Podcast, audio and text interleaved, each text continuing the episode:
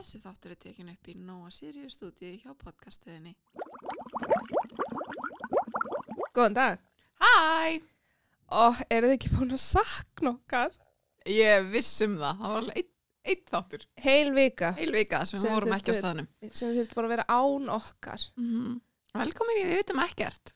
Ég er Elín Og ég er Vala.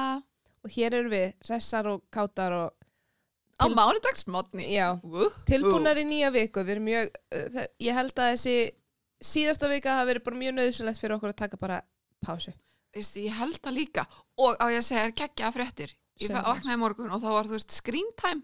Já. Það var bara, your screen time was down 10% held ég. Oh, wow. Já, from last week. Love that for you. Ég held að minn hafi hækkað smá út af því að þegar ég var að baka þá var ég alltaf með síma minn opinn.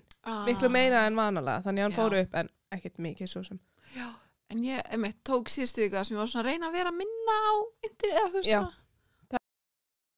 Það er sniðið. Mér ég að hafa svona náða að núlstilla mig aftur og er svona, Já, ég bara, mér líður eins og annar manneski frá því í síðustu vöku, sko.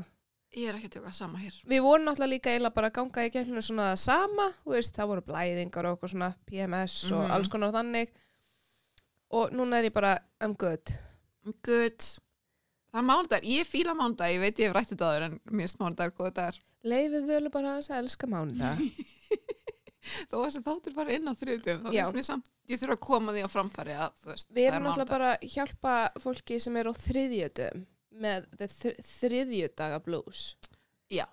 Að, já, við höfum sagt þetta allt áður, þannig ég veit ekki ekkur við erum að minnast að það aftur. Veistu, góð vísa er aldrei of oft kveðin. Já, það er eitthvað að henda okkur í highlight? Erstu með highlight vikunar hjá þér? Sko, mér finnst að þú með byrja því það er aðeins að hugsa þetta meira. Ok, ég ætla bara að segja öll helgi mín. Föstudagur, laugardagur og sunnudagur. Ég bara, it was wonderful. Á Vá. föstudeginum þá bakaði ég focaccia, bauðvölu í mat og við byggum til kokteil gott. sem var mjög góður. Við pröfum að horfa á Bachelorette fyrsta þáttinn, svaka spenno, cute boys, Mhm. þú veist. Ef ykkur langar að sjá reaksjón þá er það í blokkinu mínu. Já, Síðan mælum með að horfa á vloggi hennar völu. við það er cuties. frábært og já, síðan á laugadeinum þá bara cozy time, hitti svo fjölluna í dinner og var að föndra með Mána Lovely sem er guðsónu minn og um kvöldi horfðu á tvær bíómyndir og svo sunnudeginum aftur bara cozy time og svo horfðu á tvær bíómyndir. Og það var bara svona geggja næs helgi. Nice. bara með öllu fólkinu sem ég elska fyrir utan Jóhannu, Jóhanna vantaði þig. En, en já veist, þetta var bara mega, mega næs. Gott. ég líka mjög glöð að vera að byrja að föndra. It's bringing me a lot of joy. Já, ég trúi því. bara svona mjög sennandi Þetta er cute. Mér langar að leira. út af því að því ég er að þessu þá er það alveg bara klukkutími skilur það sem ég er bara ekki að pæla í neinu öðru en þú veist, þessu er kannski með þátt í gangi eitthvað, en það er, þú veist, ég er ekkert að kíkja í síma minn eða eitthvað slags, það er bara svona minn tími aðeins Mhm. út Það er næs. mjög gott hvert er, hvert er þitt, ertu búin að finna eitthvað? Já, veistu, ég held að það sé bara svipa. Ég er búin að vera að hugsa um helgina líka. Hún var mjög góð. Föstudags, föstu dagurinn í heild var frekar, ég var mjög down Á föstudaginn. Ég var bara eitthvað leið og eitthvað. Svo fór ég ákvæði að fara og hitta þig og það var bara gott. Og það Ég bara svona, bjargaði henni já.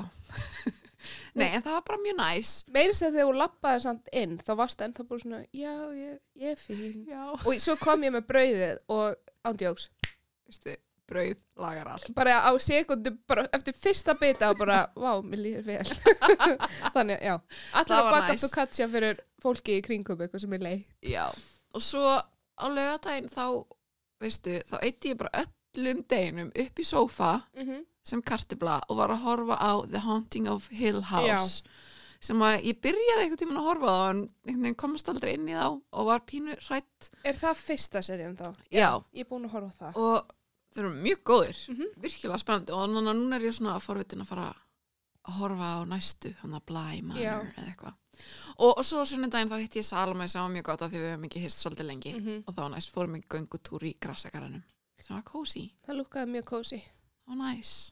Náttúran, plöntur en sem voru alltaf dauðar en það var allt í lagi. en þú veist ringrás lífsins. Já, já, ég held að við séum komnar tilbaka sem bara endur nærðar Ég held það líka. eftir síðustu dag. Og líka gaman um þetta, því ég horfði líka á myndir um helgina og svona Já. gaman að horfa á eitthvað sem er svona, Eða að deila hvað myndir Já. horfið þú á? ég, ég horfði reyndar, já, þess að þætti og svo horfði ég á Da Vinci Code og Angels and Demons. Já, því ég elska þær myndir. Já. Ég elska þær. já. Ég, ég sá að, ég held að ég hafi séð Da Vinci Code á Netflix. Mm Þær voru báðar á Netflix. Þannig að kannski, ég hef bara séð Da Vinci Code einu sinni eða tvisar bara í gamla daga. Þú veist, því ég held að ég hafi bara verið of ung til að einu sinni átta mig á því nákvæmlega hvað var í gangi, fattar Já, ég skilji. Þannig að kannski, þetta, er, þetta er myndin sem ég set mjög reglulega í gang svona, því ég veit ekki hvað ég horfa og langar að hafa eitthvað þú veist, það er svona, það ótrúlega fynd. en þetta er bara ég, mér langar bara að vera nörd sem að lendir í hasar eins og Indiana Jones líka, þú veist, mér langar bara að vera eitthvað að pælti því að því að hann er bara symbolist, nei ok, ekki það en hann bara er að pæli í svona Já, táknum og eitthvað og svo bara allt í henni er hann bara í einhverjum eldingaleik er ekki og eitthvað eitthvað að reyna svona að drepa hann og eitthvað kviðristur og eitthvað svona. mm -hmm. Á mann ég eitthvað úr þessu. Ég horfði sko á, ég horfði á, hvað horfði ég á? ég horfði á Scream í gær, bara klassík, skiljur, smá Mhm. spooky season. Sindri hafði aldrei séð hana og ég bara, þetta er dónaskapur við okkar kynnslóð. Þannig að já, horfðum á hana, við horfðum á það er ný mynd inn á Netflix sem ég mæli mjög mikið með. Hún heitir The Trial of the Chicago Seven og var mjög góð. Í endan táraðist ég og ég hugsaði ég verði að vera dölari að gera góð hluti í heiminum. Mjög, hún álíka svolítið vel við núna með svona political environment sem við erum í, þú veist, Black Lives Matter og svo leiðist, þú veist, er í gangi, þetta er rosa svona, maður er svona alveg, vá. Og síðan horfðum við á, akkur er ég alveg, já, við horfðum á Seven með Brad Pitt og Morgan Freeman, Beautiful, Beautiful People, hún er alltaf góð, What's in the Box og hvað horfðum við líka á? Ég sagði þér það. Uh, akkur mann ég ekki. Hvað horfði ég á undan Seven? Já, Prisoner. Prisoners Prisoners, já. Ég veit, fyndi að því ég horfði á hana bara sko fyrir mánuði Ég bara myndi alltaf eftir að ég hafði bara séð þessa mynd einu sinni, mm. Þú veist, þegar hún kom út. Og ég myndi að mér fannst hún óslega spennandi og og mér er búin að langa að horfa á hana í langa tíma og svo núna var ég bara, ok, mm the time has come. Og hún er góð. Já, hún er mjög góð. Ég mitt að vera að horfa á hann aftur að því að bróður minn hafði aldrei séð hann og hann var í eitthvað svona Jake Gyllenhaal, eitthvað svona og hann er búin að horfa á Zodiac og var bara eitthvað Fa- fannst hann Zodiac ekki góð? Nei, góð, en Já. hún endar líka bara, þú veist, hún var bara En hún enda náttúrulega bara, já. já, ég veit það en þannig að hann var í eitthvað svona Zodiac er svo góð. Já, en þannig að já, mér fannst hún nefnilega Prisoners, mjög góð Hún er mjög góð. Jake Gyllenhaal, Hugh Hugh Jackman. Jackman, já. Ég, ég er hrifin af Hugh, en þú veist, það elskar, er eitthvað sem að fílar ekki Jake Gyllenhaal, bara sorry. Ég veit það ekki, við þurfum eiginlega að setja eitthvað svona feelers out there, hver, hvað skoðun fólk Mér hefur á Jake Mér Gyllenhaal. finnst eins og hann sé bara það líka, þú veist, hann, veit ekki hvað ætti að pyrra þig við hann. Nei, ég veit það ekki alveg heldur. Af því hann er, hann er ekki það myndalegur, þú veist, svona klassikli að hann sé svona pyrrandi eins og hann að gaurin í Bachelorette, skilur hann að Mhm. Harvard-gaurin. Já. Uh, þú veist, hann er ekki sætur af því hann er of eitthvað neginn, ég á að vera sætur. Mhm. Jake Gyllenhaal er bara svona mannlegur en hann er bara eitthvað svo ég veit það ekki, hann er bara dásanlegur og flottur strákur með góða hárlínu gott hár fallega augu og hann er fyndin Jake, hann er voða svona down to earth og gæti líka útlæðislega að sé bara verið svona gæinn Já. sem að lappa á móti mannulega veginu. ég held að hann sé ekki, þú veist ef hann væri að lappa, einmitt, framhjólu þú veist, ef þú væri, vissir ekki að hann væri í landinu og hann er, ég held þú myndir ekki einu sinni strax vera bara, eitthvað, oh my god, þetta var hann út af því að hann er bara svona ég er bara dökkar augur, Mm -hmm. þú veist, það, ég er bara hvítur dökkar augur að lappa, Emmett. ég elska hann ég elska hann líka. það er frábær Ah, dásamlega maður. Það er eiginlega að horfa á Donnie Darko brálega. Langt sín ég Mm. horfa á hana síðast. Það er ekki langt sín ég horfa á hana. En ég þarf samt að horfa á hana aftur. Og ég alveg er svona að pæla. Já. Ég þarf eiginlega að koma með svona Veit mína... ég hvort ég hef einhvern tíma að sé það mynd. Hún er rosalega skrítin. Þú, þetta er svona rosalega mikið bara mindfuck allan Já. tíman. Hann að kanínan og eitthvað svona. Ég, nei, ég hef ekki séð hana. Á, þú verður þá að horfa á hana. Já, það var bara movie night. Já. Mér langaði með að segja, þú veist, mér langaði eiginlega bara, bara að horfa kannski, út af því að það er spooky season og myndum horfa saman á okkur bara svona jawbreaker eða eitthvað. Bara eitthvað svona classic stupid Gerum það. morð. Það líka svo ógeðslega langt sín ég sá hana, hún er svo góð. Það. til já. love it. En hvað ætlum við að tala um í dag? Í dag ætlum við að tala um uh, samsæriskenningar. Woohoo! Við höfum gert annan þátt um samsæðiskenningar og þið elskuðu þann. Mm -hmm. Kom eiginlega mjög óvart. Við, við höfum alltaf haft hann svona sem svona þættir sem við áttum ekki von á að verða vinsælir mhm. en hann er síðan bara einn af okkar vinsælustu þáttum. Já. Og þar tölum við um að Finnland væri ekki land. Og Finnland er ekki tilkrekkar, við erum bara komin á það að blæsi. Við erum öll orðin sannfærið það núna. Já, Uh, það var að Avril Lavín væri dáin já. og væri replaced Mm uh, og svo voru einhverja aðrar pælingar sem voru með. Alls konar skemmtilegt Já. stof. En vilt þú byrja? Ok, ég skal byrja. Ok. Um, ég ætla bara að byrja á því sem ég skrifaði mest um. Mm -hmm. Af því ég hafði ekki heyrt, ég hafði heyrt þetta áður en ég hafði ekki heyrt lýsingarnar, veist, af hverju þetta á að vera. mm. Og það er sem sagt að Paul McCartney hafi dáið árið 1966. Ok. Ef þið eru, ég veit ekki hvað ætti að vera að ykkur, veit ég ekki hver Paul McCartney er en hann er sem sagt í bílunum. Eða var hann það? Eh, er sem sagt að hann hafi dáið árið 1966 þegar bandið var bara á toppnum, skiluru, bara the peak og það er til dæmi sagt að í textanum að day, í textanum við lagið A Day in the Life að það sé sagt He blew his mind out in a car Paul is dead, miss him, miss him. Og maður á að heyra það sem þegar maður hlustar á lagið aftur á bak. Ah, ok. Það er líka sagt að í endanum á Strawberry Fields Forever læginu að John Lennon hafi sagt I buried Paul.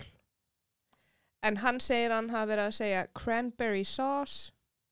Þa, Ok, það er hljóma samt, En, þú veist, þetta á bara að vera svona eitthvað svona mumble skilur í læginu Strawberry Fields Forever er náttúrulega mjög svona psychedelic fun time lag þannig að ef, að, ef þú segir það samt í alveg I buried Paul, cranberry sauce mm Mhm. þú veist, já. þannig að já, það er til og með sagt að Abbey Road myndin þegar þeir eru að lappa götuna, vinsalasta myndin að þeim þá er sko, það er kenning. John Lennon er klættur í hvít sem á að þýða að hann sé að halda úti jarðaför Ringo er svartklættur eins og hann sé gestur í jarðaför George er í gallabuxum sem, þetta er skrifnast allir þá þýða hann sé sá sem grefur grafirnar. Ok. og en eina sem að meika samt sens í þessu er það að Paul er einu sem er ekki í skóm.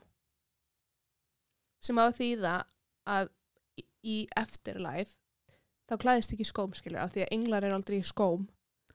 Ah. Og það er eina svona sem ég var alveg svona já, það, ok, góð punktur þarna ég er ekki eitthvað George er í gallabuxum það þýðir hann sé að fara að grafa þú veist, ha er ekki þeir sem Ah. grafa grafina valla bara í einhverjum vinnubuxum Yeah, I don't know.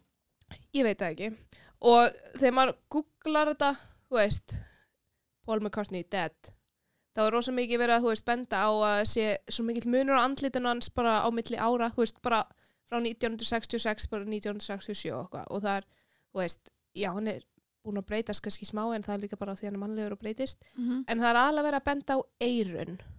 Já, Og það er alveg smá til í þessu, ok. eirun lúkka í alveg allt öðru sig en kannski bara var hann búin að vera of mikið með headphone á sér eða eitthvað, hann var endalist í stúdíónu skilur, það kremjast, ég veit það ekki en já, það er svona það sem ég hef að segja um þetta Ok. þannig Paul McCartney dó 1966 Já. Spennandi. já, hvað finnst þér? heldur þú að sitja á henn? Uh, mér finnst þetta svona frekar svona steiktar, uh, hvað segir maður, sannanir. já, Eða þú veist, þannig að ég, þyrfti meira og ég þyrfti að sjá myndir af honum Já. sjálf og svona að byrja þetta saman, það var sko. líka eitthvað sem ég skrifaði ekki en það var eitthvað svona, það er eitthvað mynd, ég man ekki hvað var, ég held að það var plötu cover eða eitthvað leiðis, þar sem ef þú settir speil fyrir fram að myndina þá sást eitthvað svona eitthvað texti þú veist, Mm. e og ég reyndi að googla til að sjá það en fann það ekki og ég bara eitthvað, uh, ok, veist, það var líka bara eitthvað algjörskæft það var eitthvað one x day, x, x e, veist, bara eitthvað svona sem að er ekki neitt Ah. En þú veist, þetta er náttúrulega bara klassíst það sem er sagt eiginlega um alla Mhm. fræga endalaust. Hann dó og það var komið með eitthvað annan. Mhm. eða þá að þeir hafi síði sett döðan sinn, þú veist, Já. Já, nákvæmlega. Þú veist, eins og ég sá það, þú veist, það er náttúrulega Elvis. mm Elvis er lifandi og Michael Jackson er lifandi af því að dóttir hann setti mynd af sér í bíl og það er hattur fyrir aftan og það segja allir að hann sé falin undir einhverjum teppum. Ég sá myndinu og ég bara, það er bara nýlegt hún, já, já, þetta var bara, þetta Instagram mynd. já, þetta var bara í vikunni eitthvað eða, eða lengra síðan en kannski var ég bara að sjá þetta því ég var að googla Já, það var auðvitað það. Já. Ég held að það hafi verið fyrir tveimur árum, Já, eitthvað, ok, ég veit það ekki alveg, en þú veist, maður er bara svona, mér finnst samt skemmtilegast við svona conspiracy theories að það er í alveg bara svona nutjobs hann úti sem er bara í alveg bara halda úti, þú veist, Mhm. Útvarstöðum þar sem þeir tala um bara fucked up shit. Mhm. Það er náttúrulega bara gert svona eiginlega um alla svona fræga, aðalega í gamla dag, þú veist, þessar frægu stjörnur í gamla dag, að þeir séu ennþá lefandi, já, þú veist. þetta er, já, þetta er steikt sko eða hvort þetta sé líka sko að fólk bara vilji svo Já, mikið að það að sé, sé á lífi eða veist, sé En líka ef það er á lífi, þú veist, ok, let them live þá bara í frið, þau vildu þá bara aðeins komast í burtu og eru Mhm. bara komið nóg. Einmitt. Ég er ekki að segja leifið Hitler að lifa bara í, í róliheitum, skilur, en Mhm. ég er að segja leifin bara Elvis að vera í frið einhvers í friði. Vill, það sko, kenningin er að hann sé sér að hann hafi sviðsett dauða sinn og sé að vinna bara á Greisland. ah, Og einhver einhver- sem að varðar eða vinnur þar eða eitthvað svo leiðis segir, hann sett inn eitthvað myndband og segir að þetta sé hann. Og svona, eitthvað guður in the back eitthvað, þú veist. ah. áhugavert Fólk er bara fyndið. Þú veist. Æ, ég veit það ekki. Ef Já. þetta væri, æ, já. En sem sagt, Paul McCartney átti að hafa dei, dáið sem sagt eitthvað í bílslis, eitthvað svona sem að var alveg hróttalegt, skilur við. mm, en það var bara þá fall eða þú veist, það hafi verið hann vegna og- sagði hann eitthvað, er sagt í einhverjum texta, he blew his mind out in a car. já, Þannig já, Paul McCartney, dead interesting or alive. ba, ba, ba, bam. Hvað nú með? ok, sko ég er með eina svona svolítið langa um, og þegar við vorum að byrja að pæla í þessum þætti og eitthvað þá Já. var ég að googla rosa mikið að þeim ég langaði svo að vera með eitthvað svona old Hollywood Já, conspiracy theories en því ég var að googla þá kom alltaf upp sömu sem ég fannst svona frekar Já. óspennandi og eitthvað þannig að ég þarf að skoða það hans betur held ég fyrir næsta þátt en út frá Hollywood leitar orðanum þá dætti ég niður eitthvað Disney hólu en mér langaði ekki að þú veist taka um Disney Pixar myndirnar þú veist Já. Andy mammans Andy í Toy Story er Já. stelpan sem átti Jessie og eitthvað þú veist sem að við vitum alltaf er örgulega satt já, um, þannig að þetta leiðir okkur að kenningunni um Pétur Pan Ú, ok, Mhm. ég hef ekki heilt þetta. þannig ég veit ekki hvort ég geti sagt það sem sko samsæriskenningu meira heldur en bara þú veist kenningu um Pétur eða þú veist en Já, það var það sem ég var um þetta að hugsa í gær. Hvað er samsæriskenning? já ég veit það ekki alveg heldur Og því að ég hugsa um samsæriskenningar og það er allt svona nutjob-kenningar. já já já Menn að eins og þessi kenning er þá kannski bara eitthvað skemmtileg kenning. Já. Þannig hér erum við bara með alls konar pælingar alls konar pælingar sem að sumar eru nutjobs og aðrar eru bara fun. já Ok, en já ok fun innan gæslappa Mm. en þetta er sérst kenningunum um Pétur Pan og hvernig hann er í raun og veru engill döðans eða einhvers konar útgáfa af því. Oh, um, við þekkjumst mm við þekkjumst þekkjumst. Við þekkjumst, við tvær. við þekkjumst uh, um sögunum Pétur Pan og Hverkiland ég allavega, þetta var uppáhaldsmynd litla bróða mín sem var alltaf í gangi heima og mér fannst hún alltaf mjög skemmtileg Ég held að Jeremy Sumter hafi verið eitt af mínum fyrstu svona childhood crushes. já, ég er sko að tala um teiknumyndina Já, ég, allavega, já, veist, ég, er bara tala um, þá var maður náttúrulega, þá var, þú veist, ég var, Já. hvað vorum við, við vorum örgulega svona tí ára eða eitthvað. Ég man bara, ég, hann er ennþá mjög Já. þannig að ég man bara Jeremy Sumter, ég man þetta nafna ennþá. Jesus. en já, ég hugsaði samt alltaf um þetta bara sem svona fallega sögu af börnum og eitthvað Mhm. var ekkert að pæla í því í mestalagi kannski held ég að hugsa að þetta væri þú veist draumur eða eitthvað bara hjá einu af Mm, krökkunum eða eitthvað í sögunni en kannski að sanna stimmari, ég veit ekki um, ég er með mjög mikið bakgrunn en þá var sem sagt ef þið vissi það ekki, var Pétur Fan fyrst gefin út árið 1911 og var þá bara talin vera svona falleg barnasaga. Mhm. Svona börn eru yndisleg og saglaus og syndaði skuli. Já. Um, en í dag hefur hugmyndin um börn sem vaksa aldrei úr grasi aðra mynd og hægt að horfa á Pétur Pan sem einhvers konar illmenni. Uh, en það er sem sagt bæði í upprannalegu bókinni og síðan leikriti sem var sett upp í kjálfarið er sagt frá því og sínt hvernig Pétur myrðir sjónaringjana og eins og ekkert sé og í bókinni kemur þau líka fram að Pétur drepur líklega týndu drengina líka. Í bókinni? Já, sem sagt í gömlu upprannalegu bókinni. Ó, um, og hann drepur þá sagt vegna þess að þeir eru bæði orðnir of margir og vegna þess að þeir eru að vaks úr grasi sem er á móti reglunum. Um, hann breytir líka líkama þeirra af og til svo þeir geti komist í gegnum hliðið að gre, svona underground greinunum þeirra. Og Pétur Pan verður þá einhvers konar svona köld leiðtóa sem að lokkar unga drengi frá fjölskyldum þeirra sveltir þá og ítir þeim svo í að drepa hvort annan í einhverju svona leikjum innan gerðslappa er ekki, hvað heiti bókin sem að lesur í, les í ennsku? Ég veit ekki. Það, eitthvað svona það sem þeir eru einmitt, eitthvað svona ungir strákar og það er einmitt eitthvað svona, Mm. þeir eru að drepa koronan og eitthvað. Allana, Já, eitthvað, allavega. eitthvað of the flies. Já, Eitthvað það er eitthvað svo leiðis. Ég man ekki hvað hann heitir samt. Um, en drengirnir þess að dyrka og hræðast Pétur jafn mikið en vegna þessar eina svona öryggisneitt þeirra á í hvergilandi -hmm. þá er ekkert annað í stöðun að fylgja honum og vona það besta. Um, Disney-sagan, síðan útgáfan sem að við þekkjum flest, er svolítið meira fluffy og ég man ekkert endilega eftir Pétur að hafa verið að drepa Það sjóraningjana. hefði verið ansi brútal ef hann líka myndi vera, eða það væri bara eitthvað barnamynd og hann væri að svelta börnin og síðan Já. láta þau drepa hvort annað. Mm um, Það er fullorðis. En ég man bara að honum var svona illa við þá og svo náttúrulega var svona hluta af sögutrónum var náttúrulega svona baráttan við Captain Hook. Já, og það var náttúrulega líka rosa mikið krakken, skiluru. Þú veist, geta hann ekki krakken? Jú, hérna.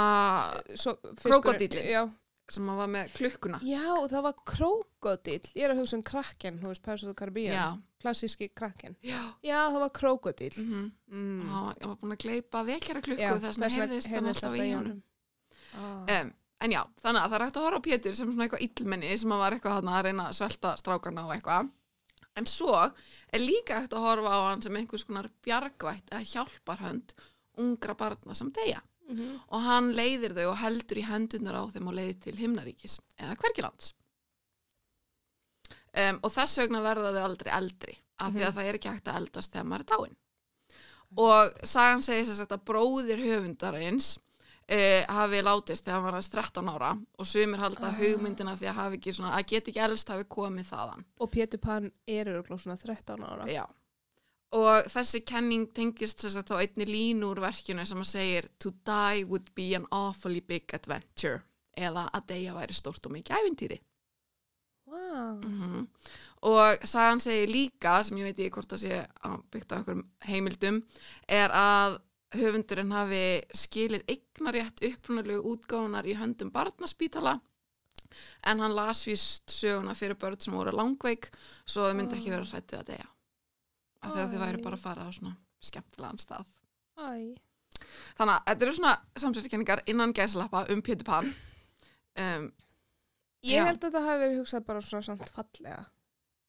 ég vona það en svo voru eitthvað pælingar um þú veist að höfundurinn fekk eitthvað batn á heilan í Kensington Gardens í London og sá átti bræður fimm bræður eða eitthvað og mamma þeirra dó og þannig að þessi gæi tók einhvern veginn yfir og þeir voru allir með svona skiptar skoðanir á hvernig gæi höfundurinn hafi verið Mm. og eitthvað þannig að pínu svona hvort að hann hafi í verið eitthvað heimildur um það, þú veist, að þeir hafi verið eitthvað svona. Já, ég sá okkur myndir af þeim og Já, eitthvað, þetta var eitthvað svona en hann hafi að byggt þessa sögu eða búið til söguna til að nálgast þennan strák en það voru engar þú veist, engar pælingur um að hann hafi verið eitthvað skotin í hann eða þú veist, það hafi verið eitthvað þannig en hann bara heitlaðist eitthvað á þessu manni fenn alltaf strax í samt Já. eitthvað svona pæling eitthvað aðeins eldri er að Já. taka yngri börn Mhm. í burtu. Þannig að, já. Já. En mér finnst það samt svona fína pælingar og þú veist, mér langar gett núna að horfa aftur á Pétur Pan og svona pæla, í Pæla. þessu Kannski hvort frekar, að því að myndin, að ég man ekki veist, sagan byrjar náttúrulega er ekki stríð. Jú, þannig að það væri ekkert ólíklegt að það hafi dáið fullt af börnum. Já, algjörlega. Og þú veist hann væri Jú, þarna að, ekki þegar það var börnin- stríð? Það var stríð, það var verið að bomba og okkur svona það ekki? Jú, og þau fóru í svona bunker. Mm þannig að mér finnst svona ekkert ólíklegt Ég- kannski að börnin hafi bara kannski öll dáið og, eða eitthvað. Mér langar að pröfa að horfa á uh, teiknimyndina, ekki. Mhm. þú veist, aðeins fyrri út af því að eins og, þú veist, eins og þú sagðir þá er náttúrulega svo sem að ég mann mest eftir er með Jeremy Sumter skilur leiknamyndin Mhm. og hún er rosa bara svona cute og fluffy og þau eru svona smá skotin Mhm. skilur en svo náttúrulega líka hugsa maður að því að þú veist öll þessi ævintýri mm -hmm. og þú veist grimmævintýrin og þú veist þau eru öll núna í dag og svona söguna sem að þekkir eru svo ótrúlega svona góðar eða þú veist, þau eru svona Mhm. sæta sögur en það en upprunalegu útgáðunar eru bara hryllingssögur Ég- sko. já. þetta eru bara eitthvað svona líka bara maður verður að hafa í huga aðeins það er fullorðið fólk sem er að skrifa já. barnasögur eða veist, kannski voru þetta bara eitthvað svona bara sögur, þú veist, kannski var, var þeim ekki ætla Mhm. börnum Ég meina eins og maður hlustar á hérna öskubusku veist, ég Mhm. hlustaði alltaf á amma og afi áttu eiga öskubusku skilur á plötu þú veist, sem er þá gamla, gamla sagan og ég er alveg uppið að hlusta bara á vínil skilur af þeirri sögu hmm. og þar er alveg veist, skorið af hælana og tærnar á stjúpsystrunum og sagt, veist, skórin fylltist af blóði og okkur svona, þú veist, þetta er ekki cute, þetta er ekki Mm. sögurnar sem að er að lesa fyrir börni núna Nei. We turned out okay, skilur það er alltaf lægi, en þú veist þetta var miklu meira brútal alltaf sögunar í gamla daga núna er náttúrulega alltaf sett svolítið inn í svolítið mikla búblu. Mm en já, Já. áhugavert, ég hafði aldrei, ég hafði einhvern veginn aldrei pælt eitthvað mikið í þessu. En ég ætla bara að halda því fram að ég ætla bara að halda áfram að hugsa Pétur Pan hafi bara verið góður og ég held hann sé frekar þá bara knúsabötnir sem voru að fara að deyja. Já, ég ætla að hugsa það líka frekar að hann hafi verið eitthvað sikk og hann sé bara eitthvað svona smávegis leikla Pétur Mhm. fylgjaði minni í heimnaríki og já, sína þeim hvað er gaman að vera til? Já. ég hef alltaf verið svolítið svona það hefur oft verið talað um mig svona sem smá Pétur Pan að því ég er svo sætt við að vera fullorðin og hef Mhm. verið frá því var krakki. Já, ég, ég tengd alltaf rosa mikið við hann. Ég vildi bara vera eina tindustrákonum ok, ég ætla að koma eina stutta og styrlaða ok. Ég hafði aldrei heyrst þetta áður. Og þetta er svona algjör complete nutjob amerikana ok, þú veist, eitthvað er Midwest dæmi. Allavega Obama stjórnaði veðrinu þegar hann var við fórsetavöld wow ég skrifaði, það eru einhverjir og ég svega brjálæðingar. Eh, sem haldaði fram sem sagt að þegar Obama var við fórseta hvað segir maður, við fórseta hvað segir maður, við fórseta sem að satt sem fósiti við fórseta stól uh, að hann hafi stjórna veðrinu til að draga aðtikluna frá því frá kvítahúsinu þegar það var eitthvað svona skandal í dæmi. Ah. veist, þegar hann var kannski, þú veist, þeir voru bombings hér og þar og þú veist, eitthvað svona sem að Amerika, þú veist, já, fórsetar í bandaríkjunum gera alltaf eitthvað ljótt, það er bara þannig.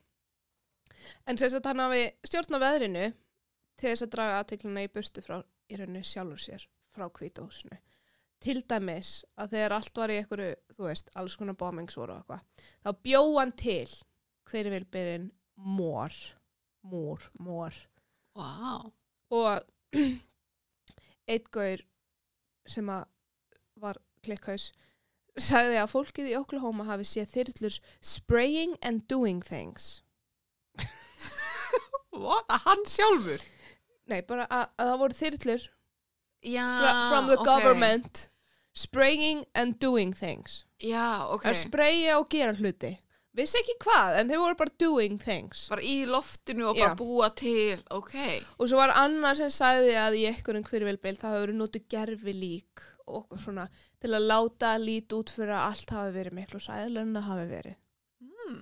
sem sagt hann Obama flotti hann bara stjórn, eins og við vitum öll þá náttúrulega kvítahúsi í bandaríkjunum þeir sem að bara ákveða hvernig rignir á Íslandi og svo leis og já, hann sem sagt var alltaf bara búa til eitthvað hverfilbili og okkur svo leiðis. Ef hún líkaði eitthvað illa um fjöllunum sig, þá var hann bara, hei, hverfilbilur hér og hverfilbilur þarna, brjála veður, spraying and doing things. Vá, þetta er svo Já. skemmtilegt. Pælti samt í að geta stjórn á veðrinu, það var frekar næs. Myndi maður ekki þá líka bara sleppa að búa til hverfilbili? Ég, ég held það sko, að ég myndi alltaf að Þeir, persónulega gera, sleppa í. þeir gera, gera svo sannlega meira slæmt heldur en Mhm. gott fyrir hvítahúsið líka. True. Þannig að, já, En mér finnst að þú hafir ákveðið þetta því að ég mitt fann nokkra svona minni líka sem ég langa að taka fram og ég sá þessa fyrstu og ég hugsa að ég va varð að taka hana þegar við gerum um Britney þátt um daginn og þessi kenning sem sagt segir að sagt svona breakdown og meltdownin hennar Britney árið 2004 hafi verið á vegum ríkisins. Eða sko að mikið af hennar vesinni á þessu ári, 2004 hafi gerst akkurat á sama tíma og Bush, fórseti bandaríkina þá, var að klúðra ykkur eða var svona in the spotlight og ger, þá gerði Britney eitthvað hvaða til þess ár að- var þetta? 2004 Mm. og þá gerði Britney eitthvað svona til þess að taka augun af honum sem ég finnst frekar steikt og svona Britney og Bush náttúrulega bestu vinnir. já en svo var líka eitthvað sko að hún hafi byrst í einhverju klipp og hafi verið að endorsa eða það var alltaf eitthvað um 9-11 Já, að sjálfsögðu. og eitthvað. Við getum En- gert örgulega heilan þátt bara um að, veist, við getum auðvitað, við getum gert 70 þætti um bara kenningar um 9-11 mm en það er bara þunglindislegt og ég ætla ekki að fara í það. nei, Þú ég, veist, maður hefur heyrt svo mikið af sétti um það. já, Ég ætla bara að halda áfram að vera lifa í búblu og vera bara, það voru bara vondi gaurar sem gerða þetta. Ég ætla ekki að fara í það að ég bara get ekki ímynda mér það að, að í alvöru eitthvað bandaríkja fórseti myndi í alvöru gera svona hrottalegan hlut við landið sitt. mm Ég bara neita að fara í þá kanínuhólu. já, þú vilt bara, já Ég, eins og ég segi, ég vil bara lifa í búblu Mhm. akkurat þannig. Ég Skil ég. get ekki ímynda mér, mér finnst það bara hrottalegt.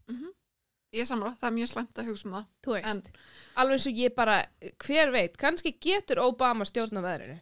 Þú veist, kannski, vak, veist, þe- þegar hann fættist, þá kannski bara vor, var hann eitthvað rosalegur super, hann, var, hann er only superhuman Þannig, það er náttúrulega önnur samsverðskenning um að hans er sonur Malcolm X þannig að hann væri frekar En þú veist, hann var, Malcolm X var samt ekki með við. Hann var bara vók, flottur kall. Mhm. Já, um, Svo er það næsta ok. sem er líka um svona royal eða svona, það Já. er sem sagt prins Charles Ég er með það hér. Ertu með það? Já, segð þú það. En það er sem sagt um að prins Charles sé vampýra og fólk trúi þessu sem sagt vegna þess að það er einhverja skýslur til um að prins Charles sé komin frá Vlad the Impaler Transylvania. Já, sem var einmitt, sko, Vlad the Impaler var innblástur fyrir Dracula söguna. Um, Charles hefur einnig byrst í auðlýsingum fyrir Transylvaníu og djóka með að Transylvania sé í blóði hans. Hann sagði það í viðtali. Já, árið 1900 hvað sagði, 1998 þá sagði hann það í viðtali mm, skemmtilegt. Og svo var eitthvað mál með propýria sem er einhvers konar veiki eða svona ástand sem er þekkt meðal konungsborna eða svona royals sem er að völdum járnskorts og gerir húði viðkomandi viðkvæma fyrir dagsljósi. En það eru samt engar sannanir til um að prins Charles hafi þennan propýhóra mm. þannig ég veit ekki alveg með þetta. en sko mér finnst prins Charles Dracula þú veist, ég er ekki að segja að hann sé vampýra því að ég efast um að Dracula hafi verið til. Eh, hver veit, kannski var hann að manna þetta Kanski. ég held að hann hafi ekki verið vampýra, hann var bara að manna þetta hann var bara damer, skilur Mm. ég ætla ekki að segja damer. Ég ætla að segja hann að gaurinn sem að já, allana ég held prins Charles er ætt, eða þú veist, blóðið hans er í alveg svona ættin hans, það er þetta reiknum til Transylvania þannig að þetta er svona eina, eina fáu kenningunum sem er svona já ok, ég skil hvernig þú komst þangað. Mm líka alveg eins og ég skil, ég skil þetta en ég skil ekki, þú veist Obama stjórnaði veðrinu. Því þarna er svona, ok, hann er ættaðar þann þessna kom þetta. Mm. Ég held að sé bara eitthvað svona löngun hjá mér að vampýru séu til skilur og heimurinn sé flóknar en við höldum. Þannig að þú veist ég efast um þetta skilru en mér er samt gott sko að hann hafi líka húmor fyrir þessu Já, og svona sé hans að djóka með þetta. En Já. kannski er hann líka bara að hlæja af þeim sem að halda þetta og er eitthvað svona if you only knew. Mm, kann, oh. það, ég sá einmitt, þegar ég sá þetta þá var líka að tala um Jay-Z. Að he is a tra time traveling vampire. Og einu rökin fyrir þessu eru þau að það er til mynd frá árun 1939 af einhverju manni sem er alveg eins og Jay-Z. Wow. það er, er eina ástæðan. Það er sem sagt eldgömmur mynd gaurin lítur út eins og Jay-Z og þar á leiðandi er Jay-Z time traveling vampire. Gæti alveg verið. Mér finnst það hann lítur ekki út eins og en Prins Charles lítur smá út eins og vampíra. Já, en svo finnst mér líka góðar kenningarnar eins og um Daniel Radcliffe og Greti Thunberg að þau séu svona time travelers. Það er til fullt af myndum og fólki Já, sem já, er alveg já, eins og Daniel Radcliffe og eitthvað. aðalega Daniel, ég hef séð mikið af Daniel Radcliffe Mhm. dæminu en hann er samt líka bara með svona smetti Já, kannski, en samt svona svolítið áhugavert, skilur sem að væri ekkert endilega allir, að ég veit ekki. Ert Eh, þú með fleiri kenningar? ég skrifaði eitt bara mjög stutt Mhm. um, eitt fyrir þig hérna, One Direction batnið hans Louis Tomlinson í One Direction. Mhm. hann eignaðist batn árið 2016 en þetta er ekki hans batn þetta er allt PR-stönd til að koma í veg fyrir að fólk fara að grafa meir og í hans samband við Harry Styles. Ég las ekki meir, ég bara, já ok, flott. Mér fannst það bara fyndið. Já, um, mér finnst það líka gott. uh, síðan sá ég eitt með John Benet Ramsey sem ég hafði aldrei heyrt áður. Ég nefndi ekki einu svona ít á linkin og lesa því ég var bara svona ég, búin Mhm. dag en mér langaði bara að segja það. Uh, En eru aðeins að þú ert búin að segja þetta nafn svolítið oft núna í þáttunum. John, Benet, Ramsey er ung stúlka sem lést um, hún var myrt.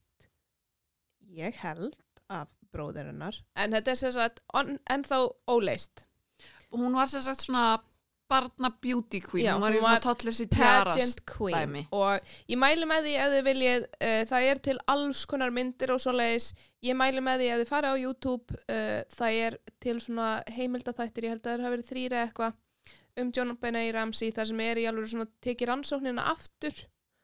Og það er ótrúlega þar í rauninu kom ég, komst ég alveg að neðustunni bara já ok, þetta var bróðurinnar en það er ennþá ekki búið að, þú veist, gera neitt það er ekki búið að kæra neitt og þetta er rosa mikið svona ég held að allir svona true, crime fanatics þetta er svona eitt af þeim málum sem að allir vilja svara við. Mhm. Þú veist, ég vil bara ég vil bara fá að vita nákvæmlega hvað gerðist. Þetta er svo ótrúlega fróðlegt mál. Þetta er líka svo mikið svona klassíst eitthvað í Ameríku, þú veist pólitíkin Mm. fokkað upp öllu investigationu þú veist, bara alls konar þannig. Þannig já og eh, það, það er hérna mjög margir sem segja að Katy Perry sé John Benet Ramsey Grey Katy Perry er fullt af Ádjós, kenningum ég um hugsaði að það er mitt ég sá sko fullt bara þegar ég var að skrolla ég nefndi ekki ít á neitt að þau tókum eitthvað Katy Perry síðast Mhm. að hún sé eitthvað það var að hún sé hann að hún hefði selt eitthvað í og já, hún var að byggja ferilinn sinn á einhverju Archie. Girls þarna. Já. Þannig já, mér fannst það bara fyndi og þegar maður pælur í, jú, jú John Benet Ramsey og Katy Perry þar eru báða með stór bláu augu eða eitthvað. Ég held að Katy Perry sé ekki einu sem er bláu augu. Er með grænu augu? ég veit það ekki. Ég veit það ekki. Mér fannst það bara fyndið af því Já. að ég sá um eitt líka, ég veit ekki hvort þessi ný einhver kenning, af því að það er svo mikið af þessu á internetinu núna finnst mér. Hvað, en ég veit ekki hvort það hefur er bara fólk sprottið upp eitthvað hefur tímann. fólk ekkert betra, að gera? Það leifið leifið John, Bene- John Benet Ramsey að kvílast í friði hún er Mhm. búin að þurfa að fá nógu mikið finnum út hver morðingin hennar er ekki reyna að taka DNA úr Katy Perry til að finna út þetta sé saman það er bara ekki þannig en Ah, síðan sko. langar mig það sem ég ætla að koma með er svona samsæðiskenning um smiley face killer en það er svo ótrúlega stórt mm. Að, þú veist, ég skrifaði bara eitthvað smá og svo var ég bara svona, þetta er eiginlega bara of mikið til að vera eitthvað, þú veist, ég þekkit ekki nóg vel til í alvöru að Mhm. koma um það sem samsæðiskenningu en ég ætla bara að koma með kynningu á því og svo mæli ég með því að hlusta á Crime Junkie, þær gerðu þátt um Smiley Face Killer Mhm. Þannig ég mæli með því að þið hlusta á það af því þetta er mjög svona, þetta er í alveg mjög, þetta er svona smá pizzagate dæmi, ef þið þekki það. Ok, uh, Smiley Face Killer er sagt í rauninni kenning sem er sett fram af tveimur New York, fyrirverandi New York rannsóknum lauruglumönnum og kenningin er í rauninni svo að það séu einn, eða flestir, eða þú veist það er sem sagt í rauninni talað um að það séu margir morðingjar að vinna saman í rauninni uh, og þeir séu segir fyrir yfir hundruð, hvað segir maður, druknunum. Allána, það voru yfir hundrað menn sem druknuðu og það er rauninni haldið því fram að það séu morð.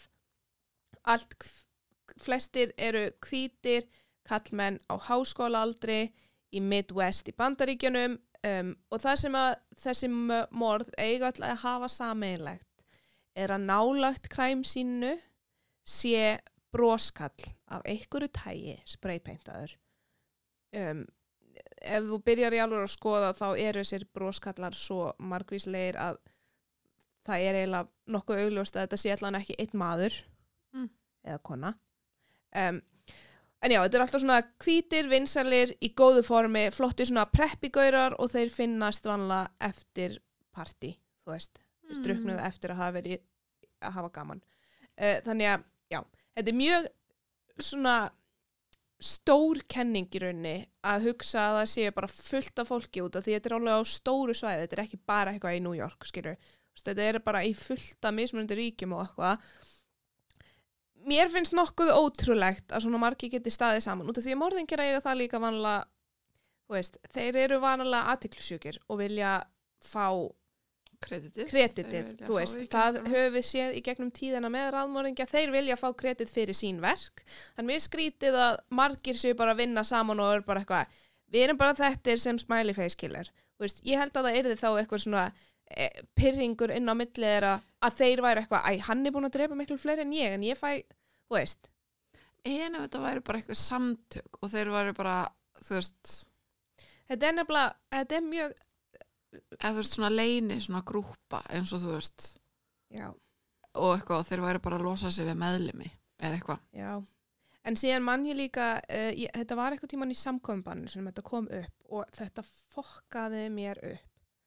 Þannig, já, ég mæli með því að fólk hlusti á smiley face killer. Þetta er mjög svona forvitnilegt og þetta er í alveg svona, hmm, þú veist, þetta lætur mann alveg pæla hvað, hvað maður heldur.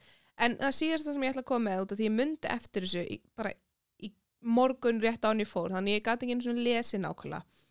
En þetta gerðist eitthvað tíman í COVID og það var haldið að vera komist upp um uh, barna trafficking ring á húsgagnarsínu Wayfair, mannst Mhm. eftir þessu Mm -hmm.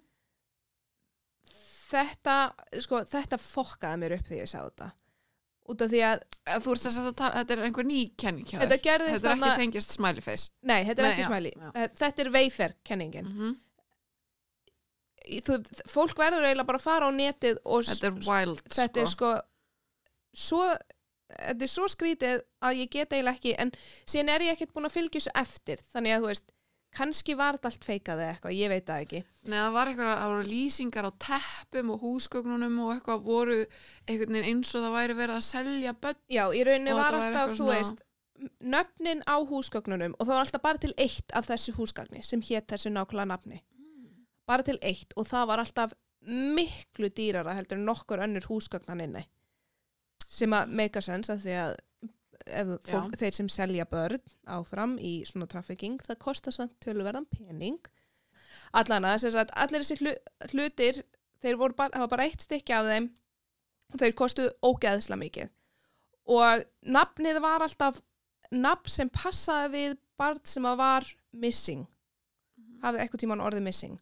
Og meira þess að svona lótunúmerið það var eitthvað neginn alltaf aldurinn á barninu, þú veist kannski fæðingadagur eða eitthvað svo leiðis þetta var alveg ótrúlegt sko. Stórfurlegt og þegar maður kíkir á þetta og skoðar þetta það voru fullt dattinn og það voru fullt af svona Twitter threads Já. og eitthvað sem maður voru bara var ég, og maður varði eiginlega sannfærður um þetta. ég, ég var bara, já Mm -hmm. ég mæli með því ef þið bara, ef þið googlið Wayfair trafficking þá, Mhm. þá fáið þið strax fullt af reddit þráðum og okkur svona og þá get ég allan sé myndinar og svo leiðis að því þetta var alveg bara, veist, ég var bara holy fuck um, ég er með eina til að Ok. ljúka þessu hvað er með Eh, það happy Sko, þetta er uppbólskermingi mín sem ég fann í dag. Hún er bara tvær setningar. Uh, en hún er sett um Bob Ross. Uh, Og Bob Ross, fyrir þá sem ekki vita, er málari og þekktur fyrir að vera svona chillar og easy going gæi og svona smá hippa já, og fílingur hann gefur vídeo af sér, þú veist, mála. Og þau eru mjög vinsal sem svona bæði hugleyslu og svo eru margir sem að reyna að fylgja þeim eftir og hann er bara eitthvað óakrútlegu það er mjög næs að sopna yfir þeim Já. af því að hann er svo friðsæll og góður. Mhm. En kenningin segir sér sagt Hvað ef Bob Ross var aðmörðingi og málverkin eru staðir þar sem hann faldi lík fórnalampa sinna? Ba ba ba bam. Takk fyrir að hlusta okkur í dag Við munum setja linka af alls konar efni inn á Facebook síðan okkar. Já, já, við gerum það. Og ég set kannski þá líka mynd af hann að Hilary Duff-dótinu sem kom líka upp í vor. Það var líka frekar mm crazy. Það gerist á sama tíma og þetta veiferdæmi Já, en já, takk fyrir að hlusta. Vonandi er hausin á ykkur jafn scrambled og minna okkur að núna því að núna er ég bara hvað er að gerast í heiminum? Já Það er ekkert að snúa öll í ykkur að ég elska hefi, já, þetta það, það er nefnilega, það er að skemmtilega við að skoða svona samsæðskenningar út af því að þú ert alveg bara svona hvað er, Já, veist við að, vitum, munum aldrei vita. Eins og þetta Finnlandsdæmi þú veist, í síðasta þætti. Ef Finnland er ekki til. Já, við, við í rauninni getum ekki vita Nei. þó ég trú að tunglendingin hafi gerst í alvöru því ég bara trúi að það. Ég vil trúi það, ég vil lifa í þessari búblu að það gerst. En þú veist, ég veit það ekki. Þá því þetta er bara herna leyndamál Mhm. og erfitt. En já, já, ef ég var einn í heiminum þá myndi ég vilja bara, ég myndi geta komið staðis öllu. Einn í heiminum, ég myndi rætt þessu. Og svo fáið það að koma tilbaka. Ok, og sendir okkur hér bara í byrti ég sendi ykkur aðeins bara í svefn. Já. og svo Þú fær bara ég- Obama, þú og Obama, það Ég- er bara í eitthvað. hann, hann hans- stoppar tímana þegar Já. hann getur það öruglega hann stjórn á veðrinu ég redda málunum, finn allt út bíp, búp, bíp, búp og hérna, þú veist Hitler er í Kína og, og hérna Elvis Presley kíkti í Dollyland bara, þú veist, hann er búin að vera þar og þú veist, allir, það er allir lifandi og Mhm. þú veist. Og já, og prinsess Diana dó ekki einu sinni.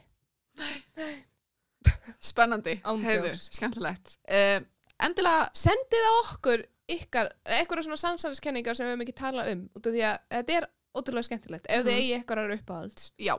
Um, endilega gefa okkur reyting þar sem þið hlustið á þættina og Og- munið að subscriba það hjálpar okkur mikið. Mm fylgið okkur á Instagram og gefa okkur like á Facebook.